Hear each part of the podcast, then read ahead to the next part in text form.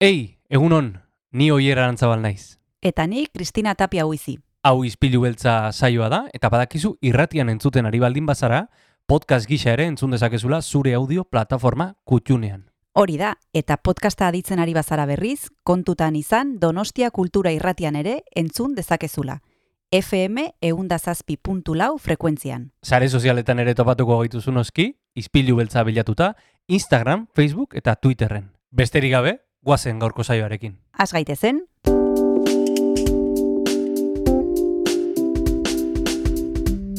Ispilu beltza. Donostiako kulturaren berri, Oyer Arantzabal eta Kristina Tapia buizirekin.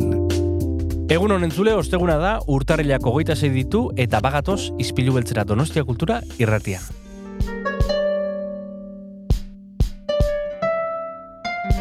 Bagatoz eta ostegunero bezala, ba bueno, aste amaiera honi heltzeko prest. bai, ni prest, super prest, beti ostegunak izaten dira oso interesgarriak izpilu beltzan, badekizu Josemi Beltran etortzen dela, oier, Donostia Kulturako eh, zinema unitatearen zuzendaria, eta berak gaur pare bat pelikula aipatuko dizkigu, oier, zeintzuk izango dira? Bueno, konkretuki aipatuko digu Latet Dunom, eh, Nosferatu zikloaren baitan eh, emango den eh, filma, badakizue eh, frantziar zinema beltzari eskenia dagoela Nosferatu aurten.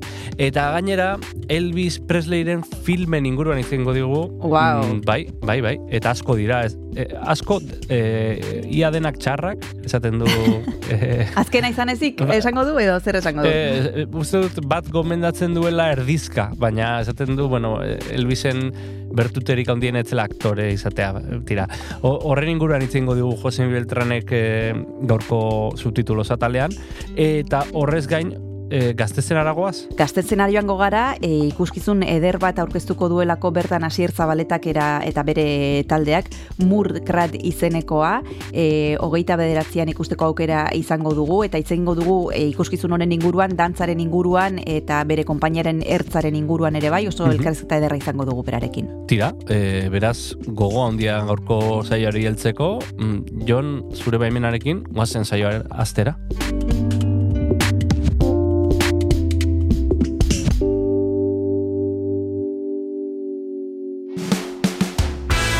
Gaurko edukiekin hasi baino lehen guazen entzutera Wednesday izeneko proiektuaren Chosen to Deserve izeneko kantu berria.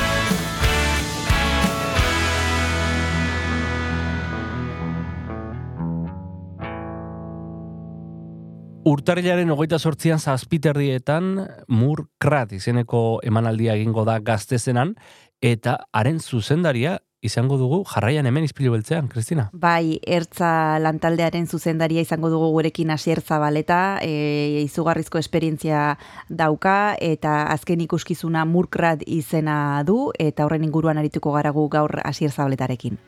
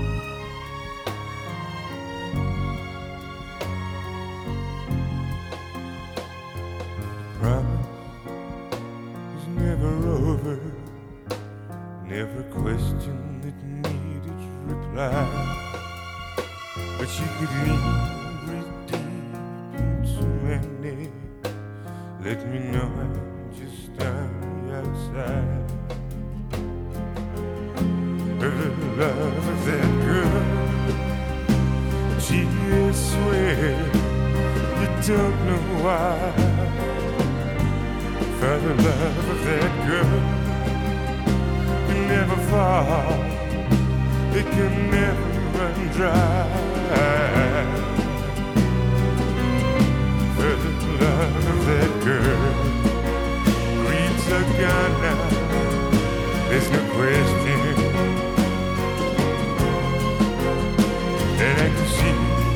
Behind your ear, bringing you better.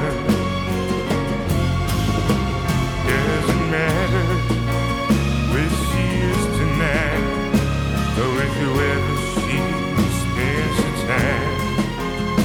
If these arms were meant to hold her, they were never meant to pull us so tight love that girl, tears swear you don't know why the love of that girl can never fall, it can never run dry.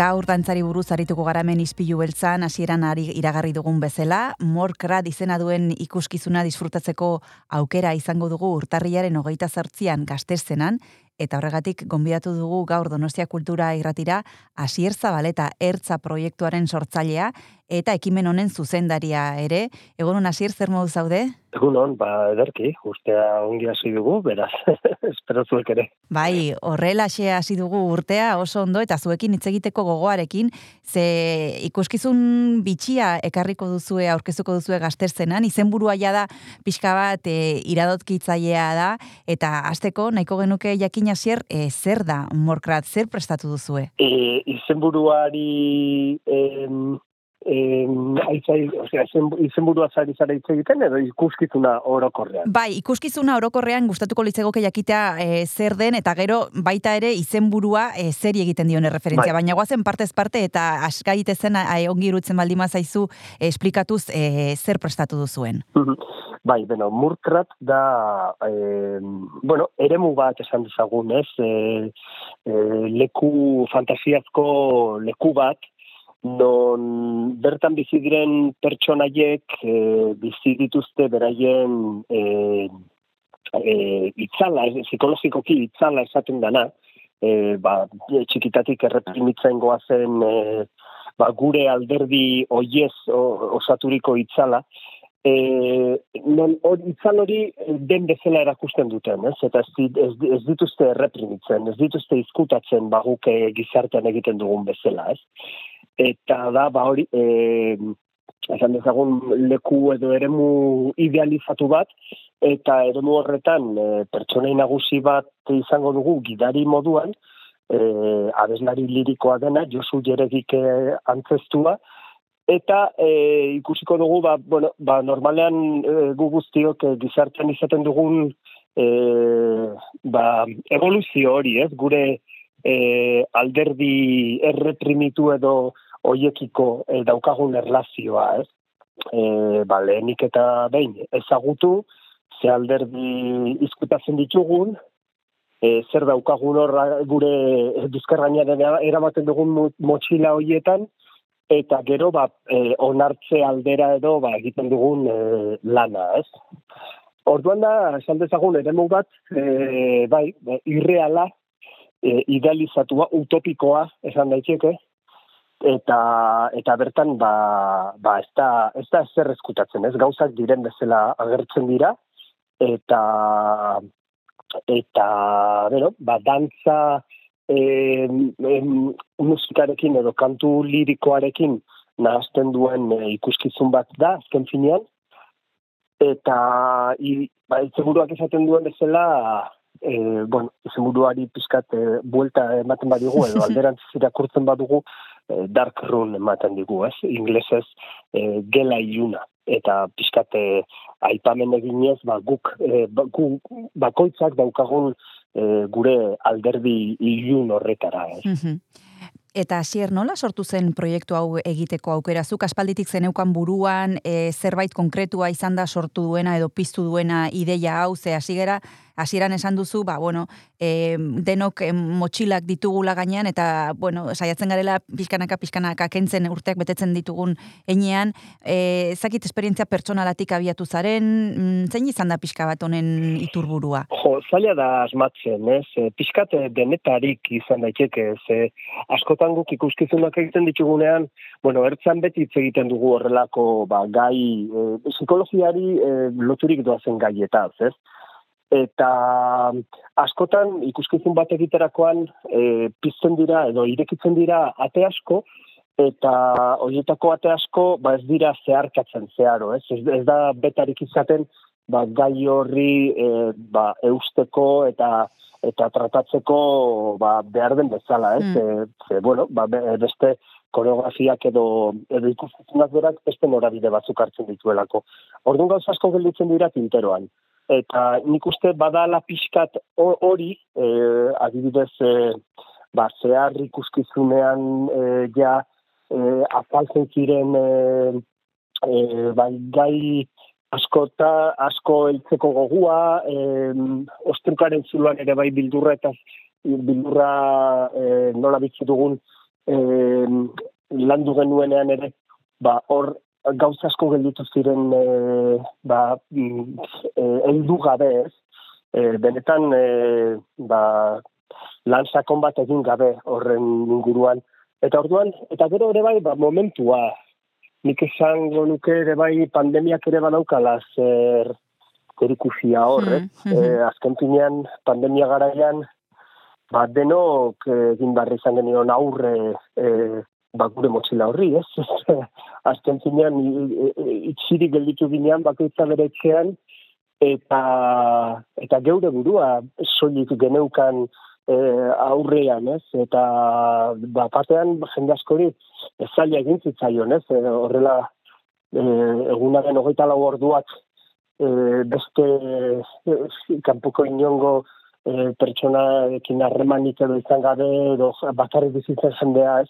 Ba, bere buruarekin eh, ba, hori, ba, izan zen eh, ariketa zaila, ez? Eta nik uste ba, guzti horiek elkartuta eh, ba, sortzen da lagrina ikuskizun hau egiteko.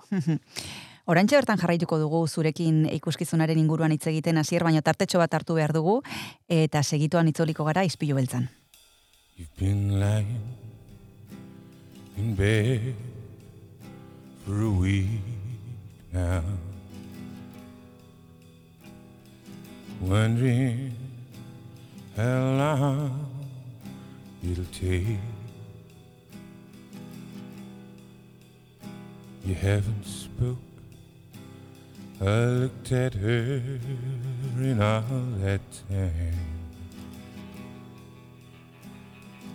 They were the easiest line you could break.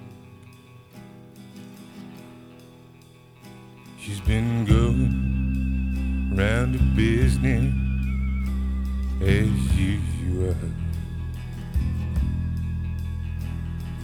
Always with that melancholy smile. But you were too busy looking to see those tiny tears in her eyes. Tiny tears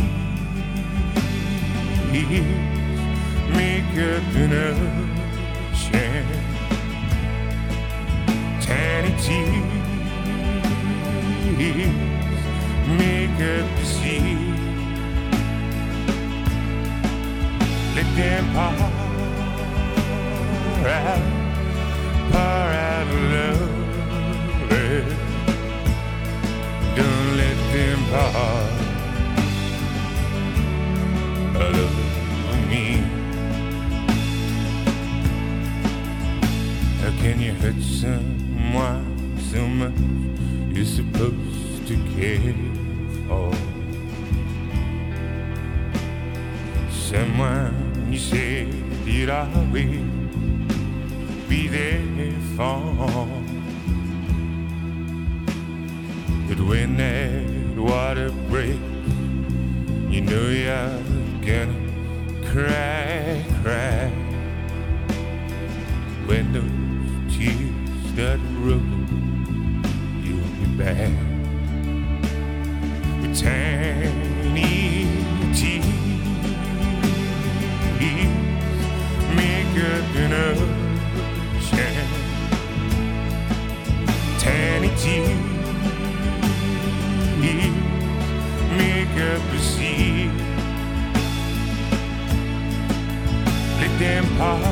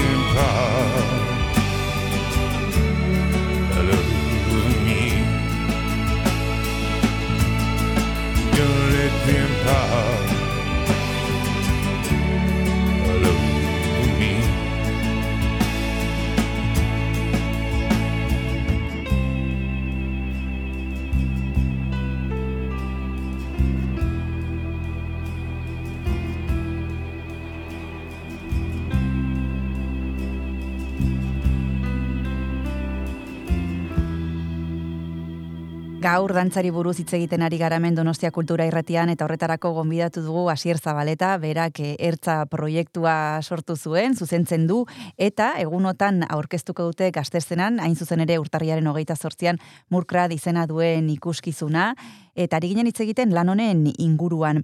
Aipatu dituzu gaia oso sakonak, eh, aipatu duzu pandemia, eta nik ezakit eh, bide honetan eh, zerbait egin zaizuen eh, korapilatxua edo zaila sortzera, eh, sortzerakoan eh, proiektu hau egon den ol, mm, zerbait eh, ba, askatzeko lanak eh, eh, eskatu duen zerbait edo ez, agian er, erreski egin duzue prozesu guzia, ez dakite nola bizi izan dugu zuen bidea, hasier.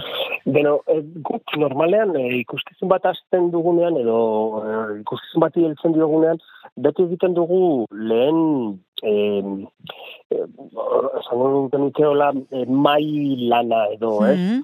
e, gaia zitzegin, e, Mhm. partaide bakoitzak e, ba, gai horren inguruan daukan, dauzkan bizipenak e, aipatu, nola bizi dugun hori, eta bai, ba hori e, egia esan gai honekin azken finean ba, onartu nahi ez ditugun gauz hori eta hitz egiten ari gara, ez? Orduan, ba, hori argi eta garbi, beste e, ba, gure hartan konfiantza dago, baina hala ere askotan gai, askotaz hitz egitea, ba, ez da erresa, ez? E, edo onartu e, guk eh, egin duguna da pizkat e, beste beste gu nola ikusten gaituzten, ze hor e, edo nola jokatzen dugun gu konturatu gabe, horrelako pista askotan azaltzen dira e, ba, elementu horiek, ez? Guk onartu nahi ez ditugun elementu horiek.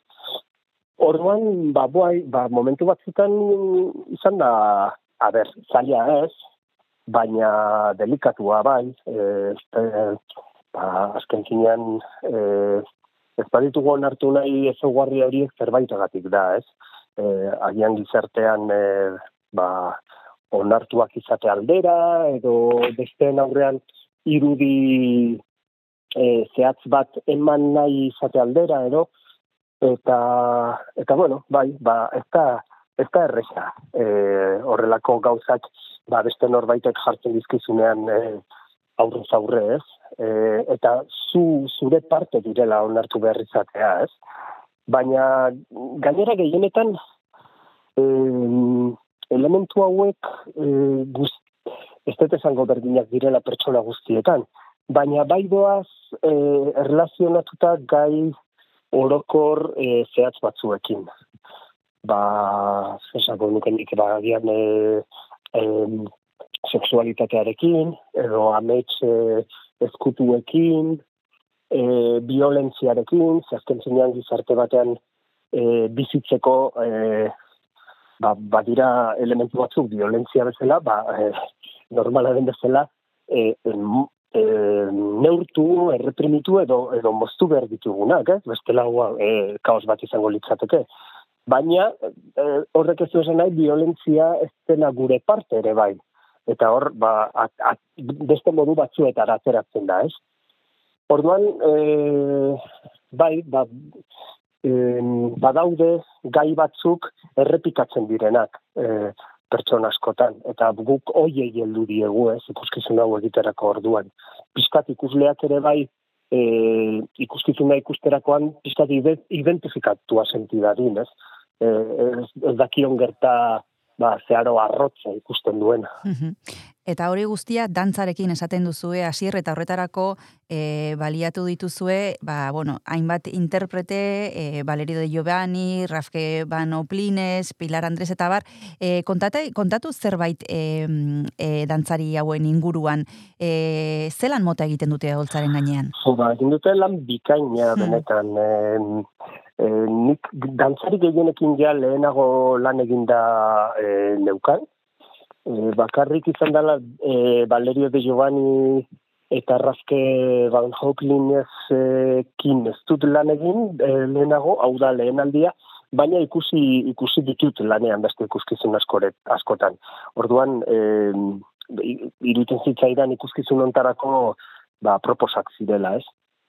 Ikuskizun hontan dantzari bikainak izateaz gain, e, pixkat bilatu dut ere bai, e, et, et, pertsonak berak daukan e, edo eszenan ematen duen e, e, atmosfera, esan dezagun, e, pertsona guzti hauek daukate e, e, oso zaila da esaten hau, em, dualitate bat bezala, ez? Mhm. Eh, azal, azaldu daitezke oso o, eh, momentu batzuetan oso eh, vulnerableak edo oso eh, gertukoak eta bapatean ateratzen dute barrutik eh, barruan daukaten eh, animalia edo deno daukagun bestia hori, ez? Eta transformatzen dira estean, ez? Eta niretzat hori oso, oso aproposatzen eh, gai hau tratatzeko orduan, ez? Ze horretaz hitz egiten ari gara, ez? Denok daukagun B aldea edo e, ba, izkutatzen dugun e, alde hori, ez? Eta hori erakutsi nahi badugu, ba, behar nuen pertsona e, ba, e, dualitate hori edo ambiguetate hori e, erakutsi zezakena, ez? Eta eta bestetik, e, Josu Jeregi abeslariak, abeslari lirikoak, ba, pixkat bera izango da gure gidari edo eszenan, berak biziko dituelako edo, edo bai, e, ikusiko dituelako bere aragitan e, ba, elementu, hitz egiten ari garen elementu guzti hauek, e, ba, berak ere espresatzen du e, oso ongi e, bizipen guzti hori, ez? Hasiera batean e, beretzat arrotza da dena, eta ba hori eremu horretan onartua izate aldera hasiko da e, motxila kargatzen, kargatzen, kargatzen, eta gero ba, e, bertan e, aurkitzen dituen pertsona horiek lagunduko diote pixkat, ba hori deskargatzen, eta, eta bueno, e, agian e, ez da, ez duk esango e, bizipen terapeutikoa edo horrelako zerbait daukanik, baina baina bai gutxienez konstiente eh, erakutsiko diote kontziente izaten zer zer daraman gainean zer elementu dauden eh, ba hori motxila horretan eta eta beraiekin bizitzen eta beraiekin aurrera egiten, ez?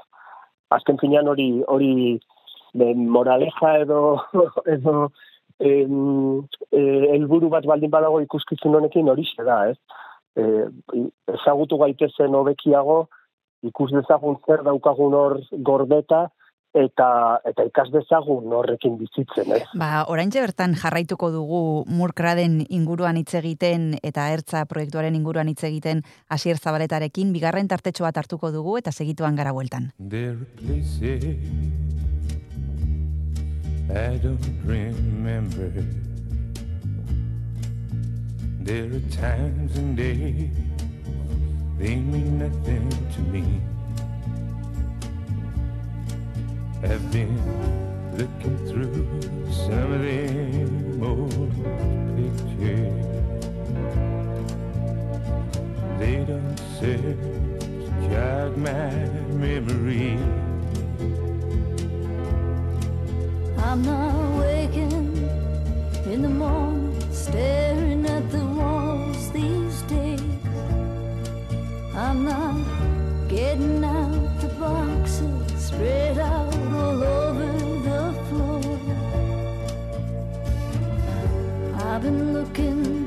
some of them were pictures. Those faces.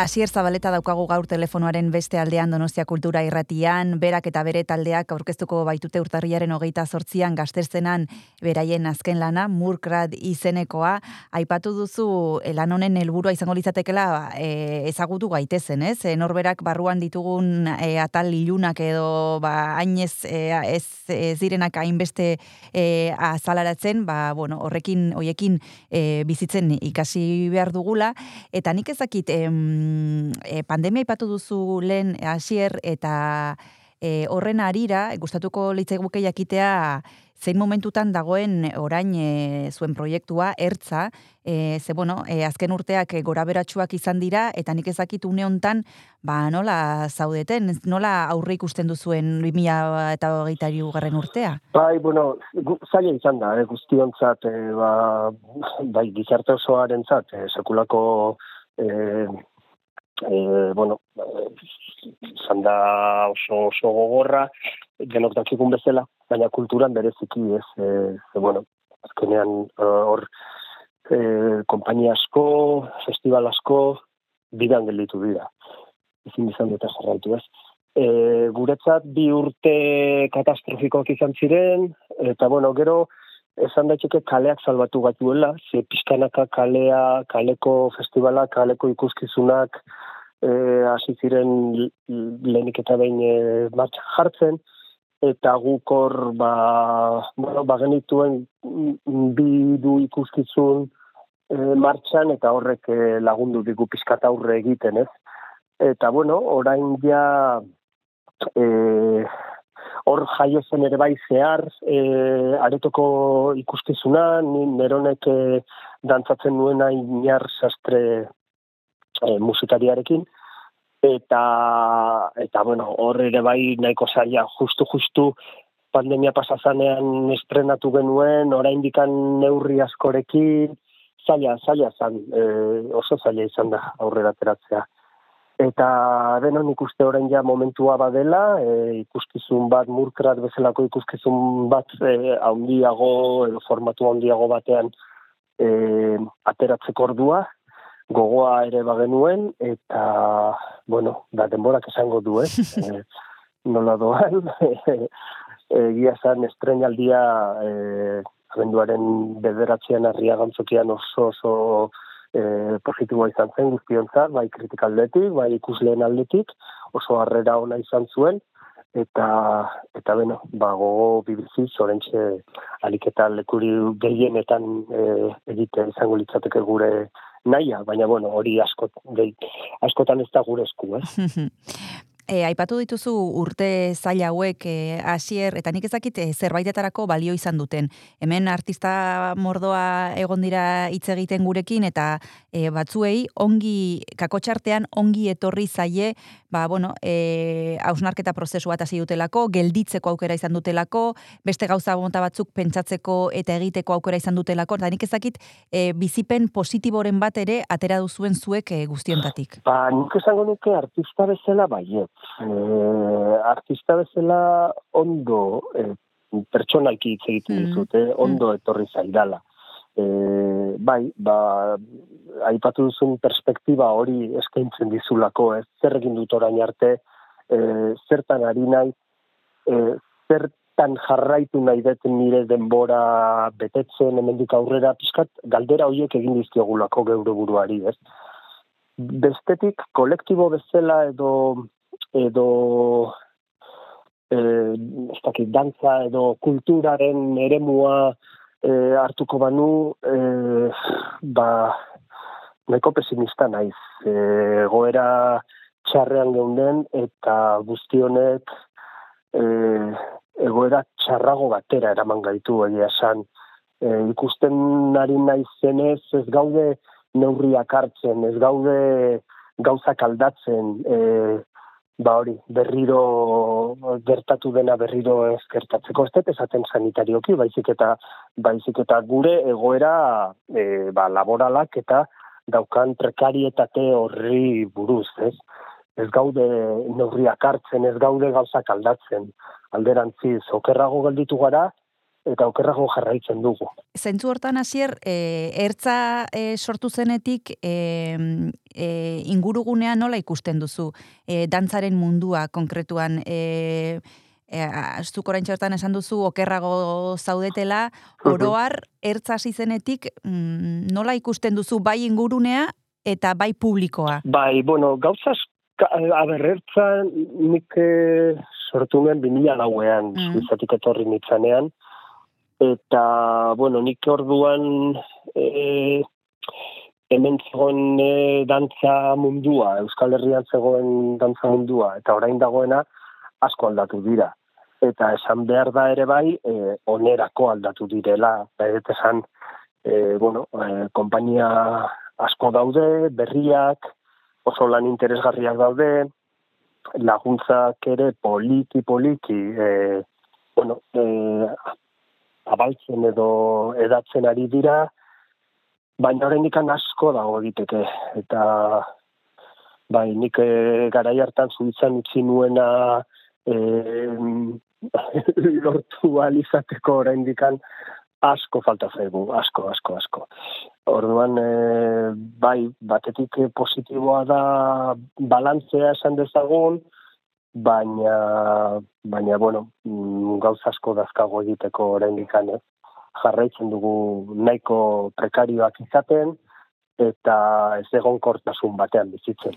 Ba, ea pixkanaka gauza hoiek e, obera egiten duten guk bitartean entzulei e, gomendatzen diegu gaztezenara e, urbiltzera. E, urtarrilan hogeita sortzian nahi eta al izanez gero arrasaldeko zazpiterrietan asier zabaletak eta ertzako kide guztiek e, aurkeztuko baitute e, murkrat izeneko ikuskizuna.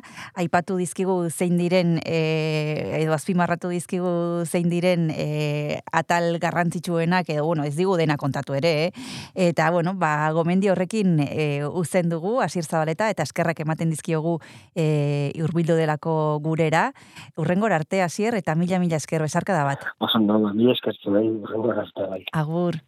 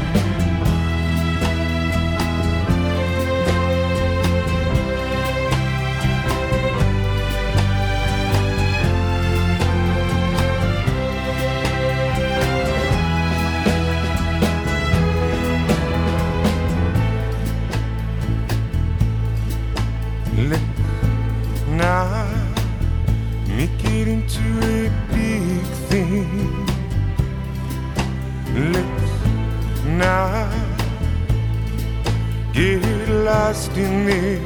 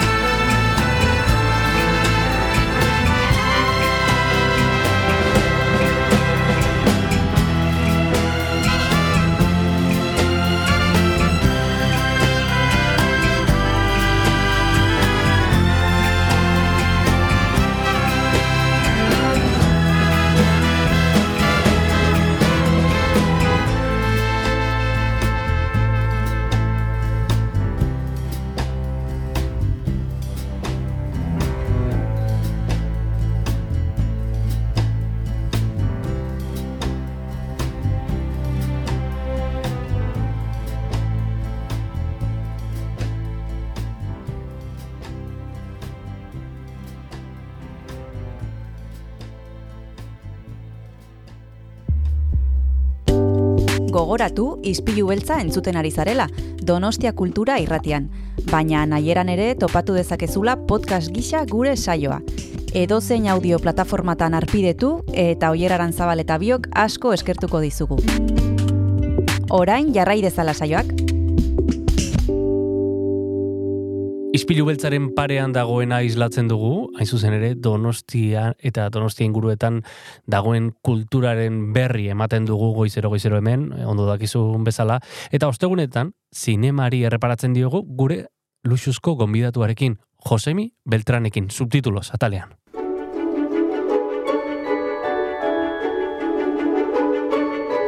Azpitituloak, subtitulos, Josemi Beltranekin.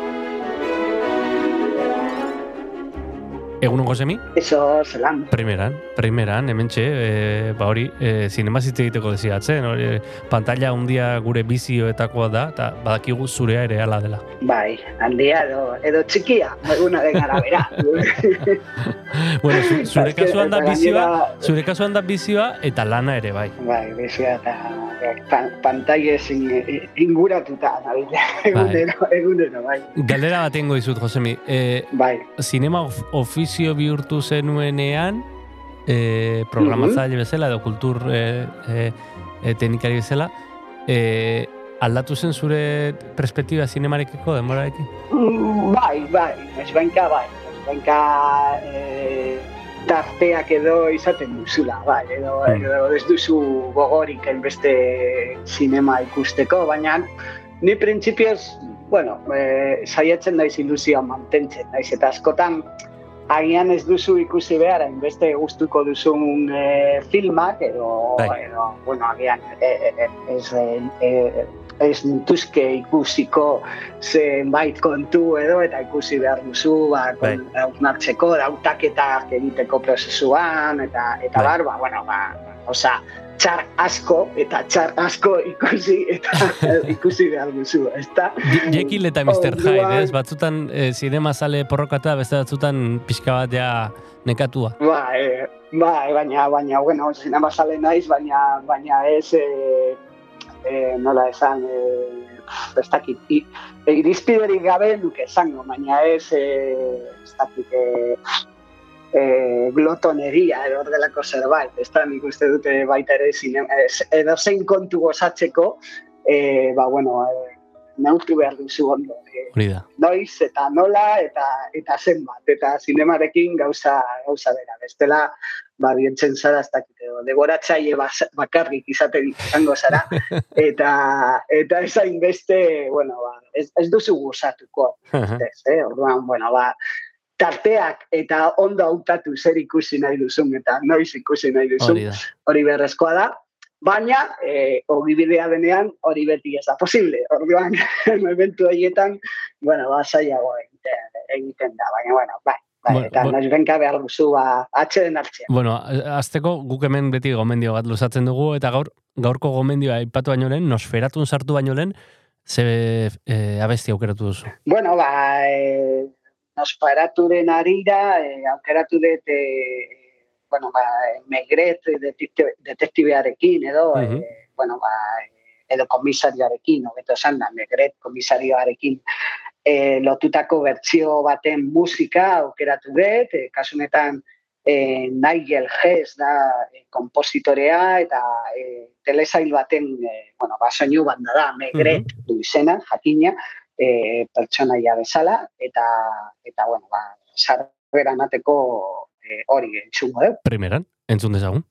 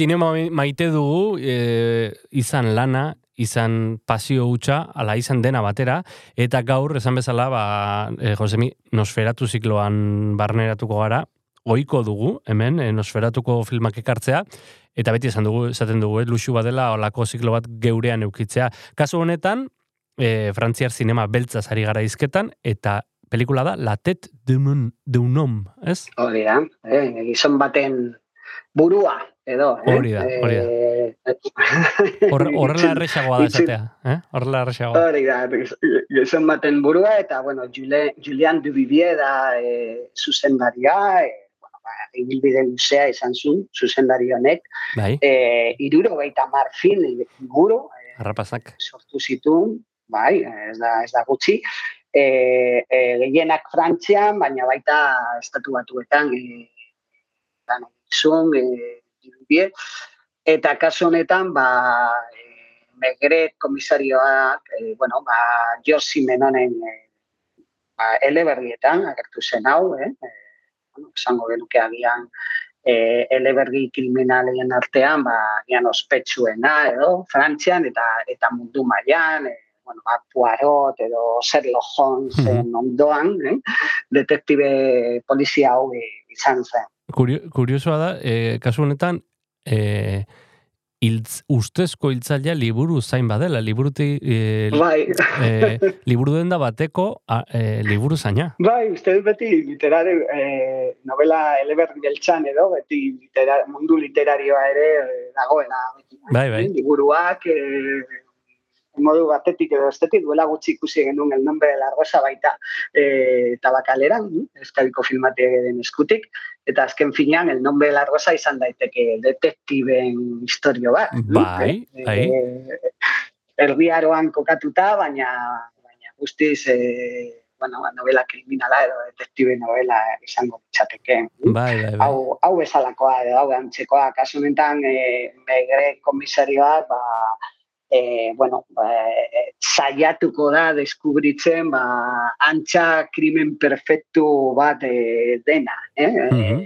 Eta liburu saltzaile hori, ba, e, ematen du, bueno, akusatua da, baina baina ez da, ez da benetako hiltzailea. eh? Eta, no, e, ba, megret e, egingo du ba, bere kontuak, egingo ditu, ba, argitzeko asuntoa, E, hori, komentatu, komentatu dut, e, hau da, irugarren agerraldia, pertsonaiaren irugarren agerraldia, e, Bai. zineman, oroar, e, lehen e, Jean Renoir edo Jean Tarrit beste bi zuzendarik e, ukitu zuten edo e, Megret komisarioaren aventurak, baina jarraian beste asko etorri ziren, e, Jean Bai. Gabin edo edo Mr. Bean bera, e, Rowan Atkinson aktoreak, Mhm. egin zuen e, Megreten papera, 2006an, eta duela bi urte edo, de, Gerard Depardieu ere, esan zen e, Megret, e, bueno, ba, ja nahiko, nahiko zaharra sartuta, baina film interesgarri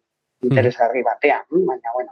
Ze, ze azpimarratuko zenuke, ze, ze, ze azpimarratuko zenuke film honetatik? Bai, bueno, da, eh, hogeita, hogeita, hogeita mairuko, hogeita mairuko filma, eta Julian Dubibia adibidez, eh, Jean Renoir, ia, ia bere belaunaldiko beste eh, Mhm. zuzendari batek esan zuen, eta entzegin genuen Jean Renoir inguruan pasaren astean, baina eh, berak uste zuen Dubibier ba, maizu bat zela benetan, eh, Frantziako, Frantziko zineman, eta kasu honetan, e, bueno, ba, konektatu zuen, e, eta oso ondo e, ergatatu gona egin zuen berriro, e, ba, mundu kriminal horrekin, eta, Mhm. eta batez ere Josi Menonen mundu, bueno, eleberrien, e, bueno, giroa edo atmosfera hori oso ondo irudikatu, irudikatu zuen. Aktorea ez dugu izan, ez dugu esan, baina jarri, jarri baur zuen izena, frantzikoa, frantziakoa zen, eta bera izan zen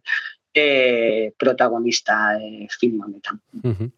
Tira, e, horra gure gaurko gomendioa, e, esan bezala, e, otxailaren batean ikusgai egongo dena tabakaleran, Latet de un hom, e, mila betzen dagoita mairuko filma, eta ondo esan dugu bezala, Julien Duivier e, zinemagile oparoaren e, bueno, fin beltza esango dugu. Josemi, beste abesti bat eh, izango duzu bezapean. Ba, bai, zeren, orain e, musika, musikari buruz e, e, hitz egingo dugunez, Mhm. ba, e, ba, espetxera joateko unea, iritsi da, eta jailhouse rock, e, ba, Elvisen abestia entzungo dugu. Entzun dezagun, Elvis Presley.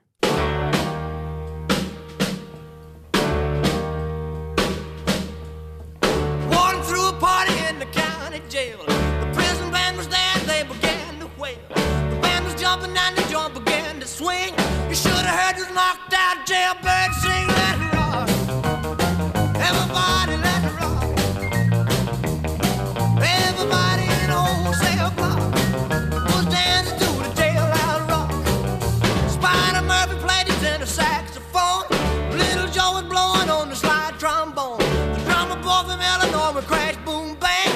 The whole rhythm section was a purple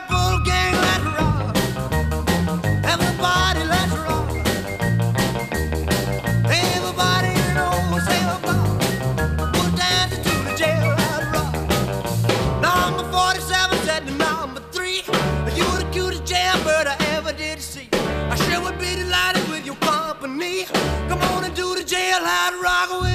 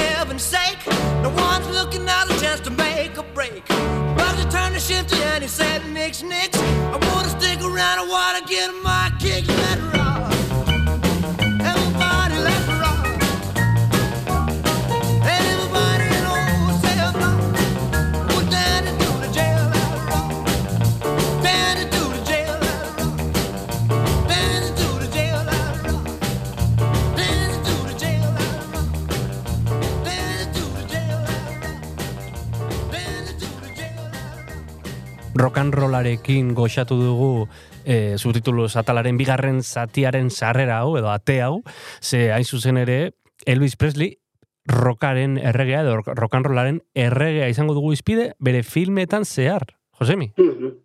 Bai, e, bueno, lehen gogoratu, e, osea berriro gogoratu dute gai hau, bere, Bai. bere garaian itxein genuen e, Baz Luhrmann film zoragarriaren inguruan, eh? Mhm. Globos, Globos de Oro sarietan, ba, zeo zer eskuratu zuen, eta ikusiko dugu ze gertatzen den Oscar sarietan. E, baina batez ere gogoratu dut, zeren duela gutxi bere, bere alaba zendu zen. E, Mhm. Izan Marie Presley, e, hil zen, e, berogeita amala urteekin bakarrik, mm, oso gazte, e, ba, bueno, bere, mm, ba, bakarrik ba bere emaztea jarretzen du bizirik, eh, Elvisen emazteak, eta eta benetan baita ere, ba, gizon honen bi, eta bere familiaren bizitzaren inguruan, ba, bueno, irakurre, irakurri dut ere azkenengo hilabeteetan eh, biografia oso on bat, eh, Peter Guralnik eh, kasetariak egindakoa, Mhm. bi liburu dira berez, e, bata da Ultimo Tren a Memphis eta bestea Amores, Amores que Matan, e, eta benetan oso oso gomendagarriak bi, e, bi liburuak, e, bueno, ba, filma ikusi baduzue, biografia ikusi baduzue, eta gero benetako historia ezagutu nahi baduzue, ba, hau irakurri, ezta? E, Hmm. ba, filma dauka filmak dauka basatin mitiko bat, eta baina, baina benetan biografia hau oso bueno, ze, zehatza da eta eta benetan, bueno, ba, gozamena da i- irakurtzea.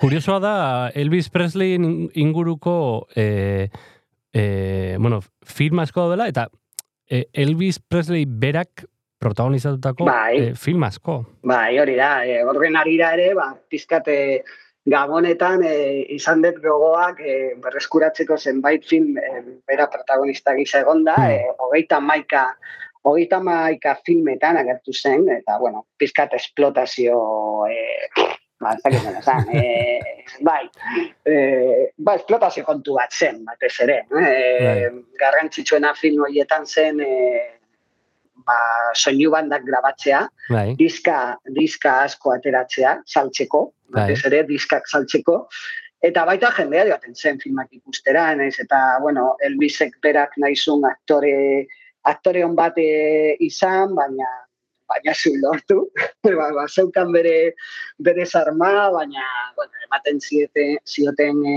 zizkioten, ba, paperak edo argumentuak, ba, beti gauza bera ziren, ezta? Hmm. E, dakit nada, za, ba, ba, gazte erakargarria, gazte zumea, arrakastan lortu nahi duena, e, Bai.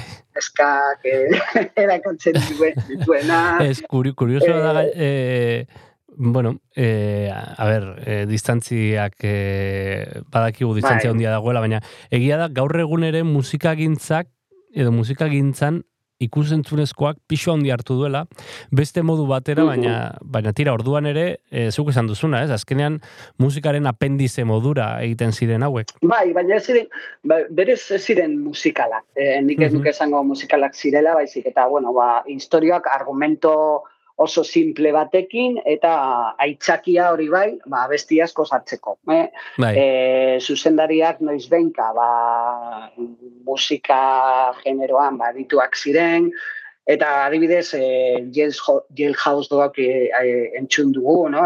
Rock Bai. de la Cárcel film horretan, eta adi- adibidez e, Elvis Presleyren dantzatzeko era oso, bueno, ba, e, berekoa zen eta oso partikularra, ezta? Bai. Baina nik uste dut hori ez zen ondo aprobetsatu kore, koreografiak eh, sortzeko mementuan, horrelakoak, eta, eta bueno, garrantzitsua na, na zen, ba, bera ondo agertzea, eta, eta bestiak ondo entzutea, eta, bueno, paisaia normalean Hawaii, ondartzetan, eta Bai. horrelakoak egiten ziren, baita ere surf cinema oso modan zegoen, e, lanaldi horretan, edo horietan, e, pero eta marriko amarkadan, E, bitxia da, ez, eh, nik ikusi nun adibidez e, nola zen, hau, e, amor en Hawaii edo horrelako zerbait, e, beti maitasuna edo Hawaii eta horrelako, eta argumentoa zen oso, oso, bueno, iaia berdina, e, e, Manolo Escobar egin zuen beste film batekin, hemen Espainian bere garaian, eh? gira turistikoa bat zen, eh, Elvis Presley, eta gira turistikoa zen eh, Manolo Escobar sucedió en Granada, zen Manolo Escobarren filma, eta, bueno, ba, jakina, e, izaera eta bar, pizkat desberdina, baina argumentoa oso, oso, oso, oso antzekoa, e, eta, bueno, ze, ze motatako, ba, turistak, e, bueno, niluratzen zuen, zituen e, Elvisek edo Manolo Escobar. Bakoitzak idolo bat bere, bere, beraien erdian, no?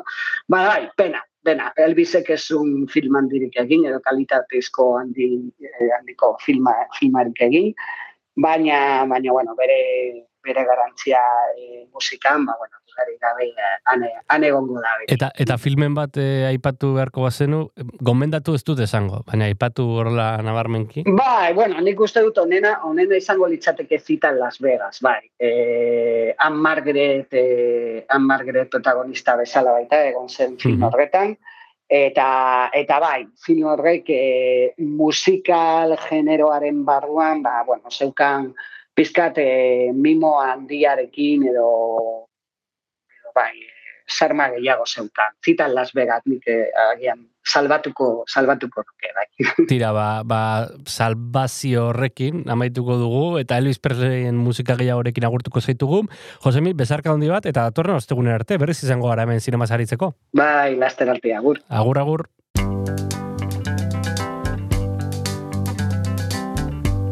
We're caught in a I can't walk out because I love you too much, baby. Why can't you see what you're doing to me when you don't?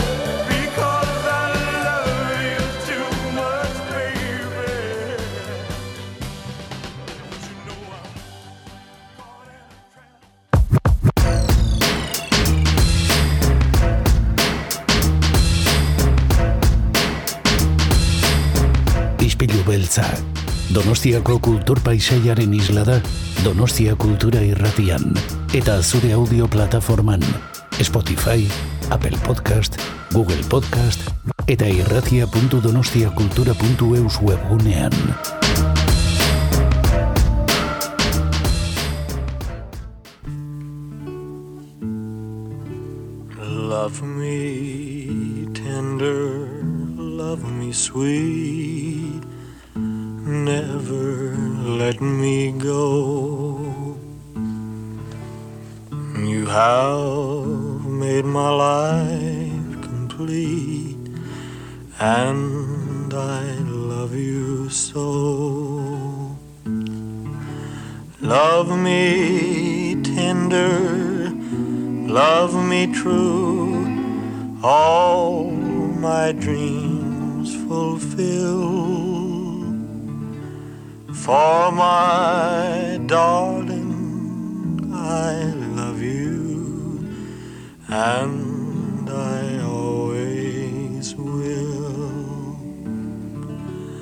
Love me tender, love me long, take me to your heart.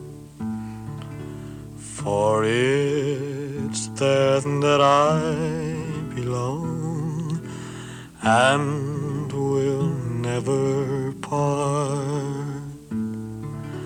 Love me tender, love me true, all my dreams fulfill.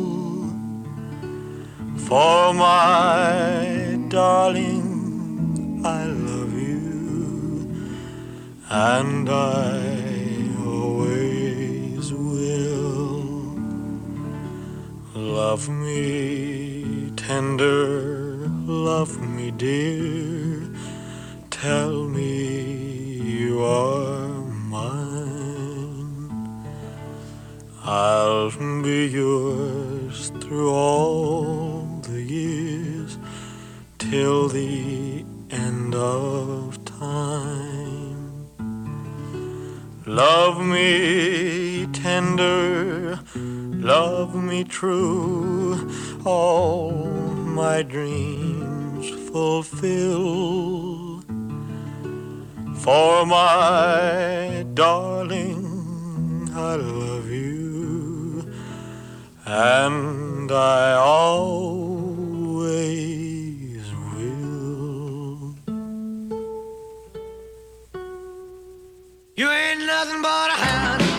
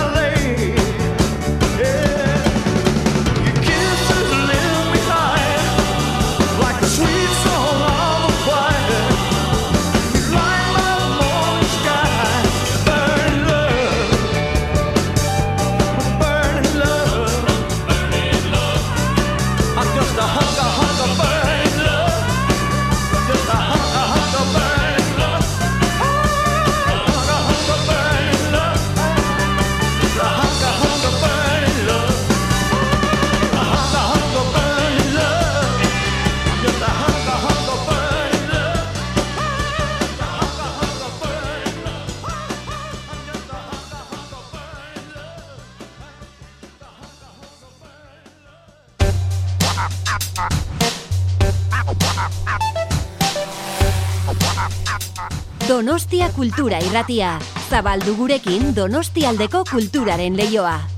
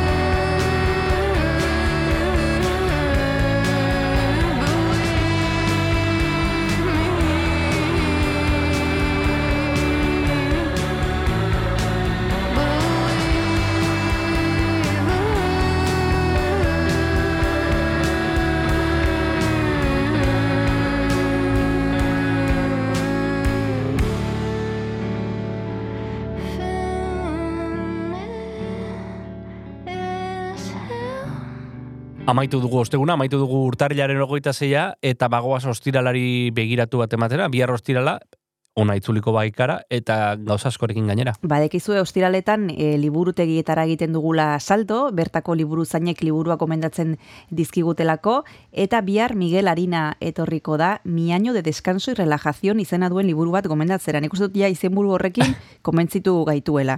Eta gainera izango dugu gurekin Michel Gaztanbide, badekizu berak e, larrotxenen eskaintzen duela gidoigintzaren inguruko ikastaro bat, eta oso interesgarria izango da gure berarekin izango dugun elkarrezketa. Bueno, ni ikasteko prez, batez ere mi año de descanso y relajacionen inguruan, ez dakit, ez dakit eh, helduko zaigun guri urte hori, baina, baina tira. bueno, amestea liburua irakurri dezakegu. Bai, bai, bai.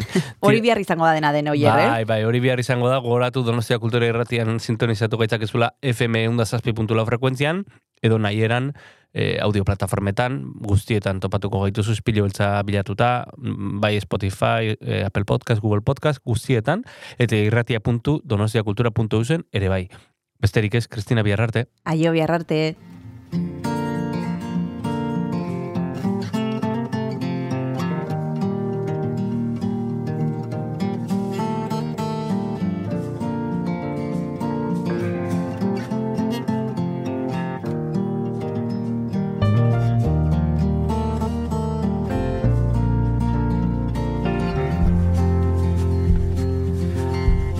is how I tell it.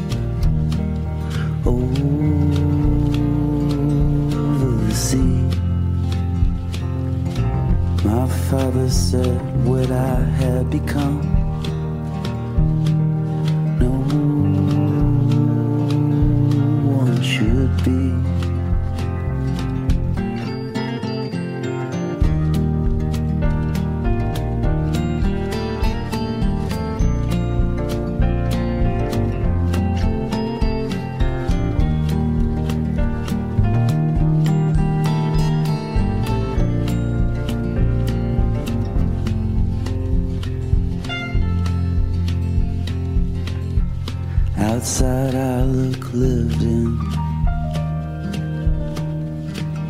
Like the moment.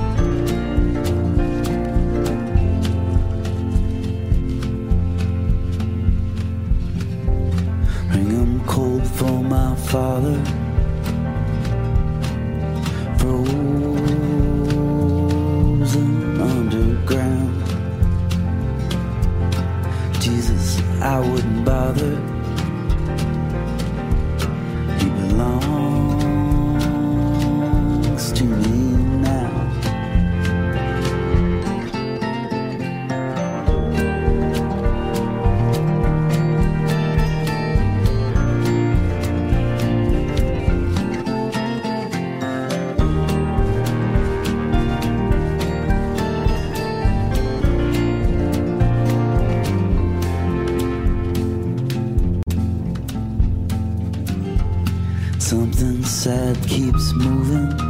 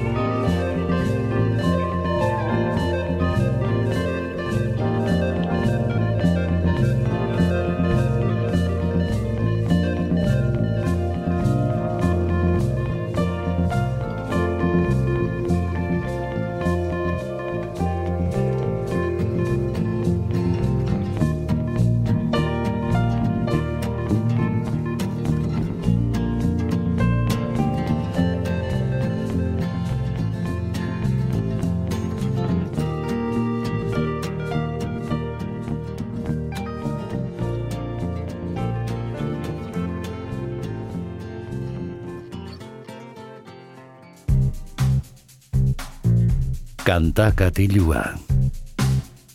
Jon Gartziaren eskutik.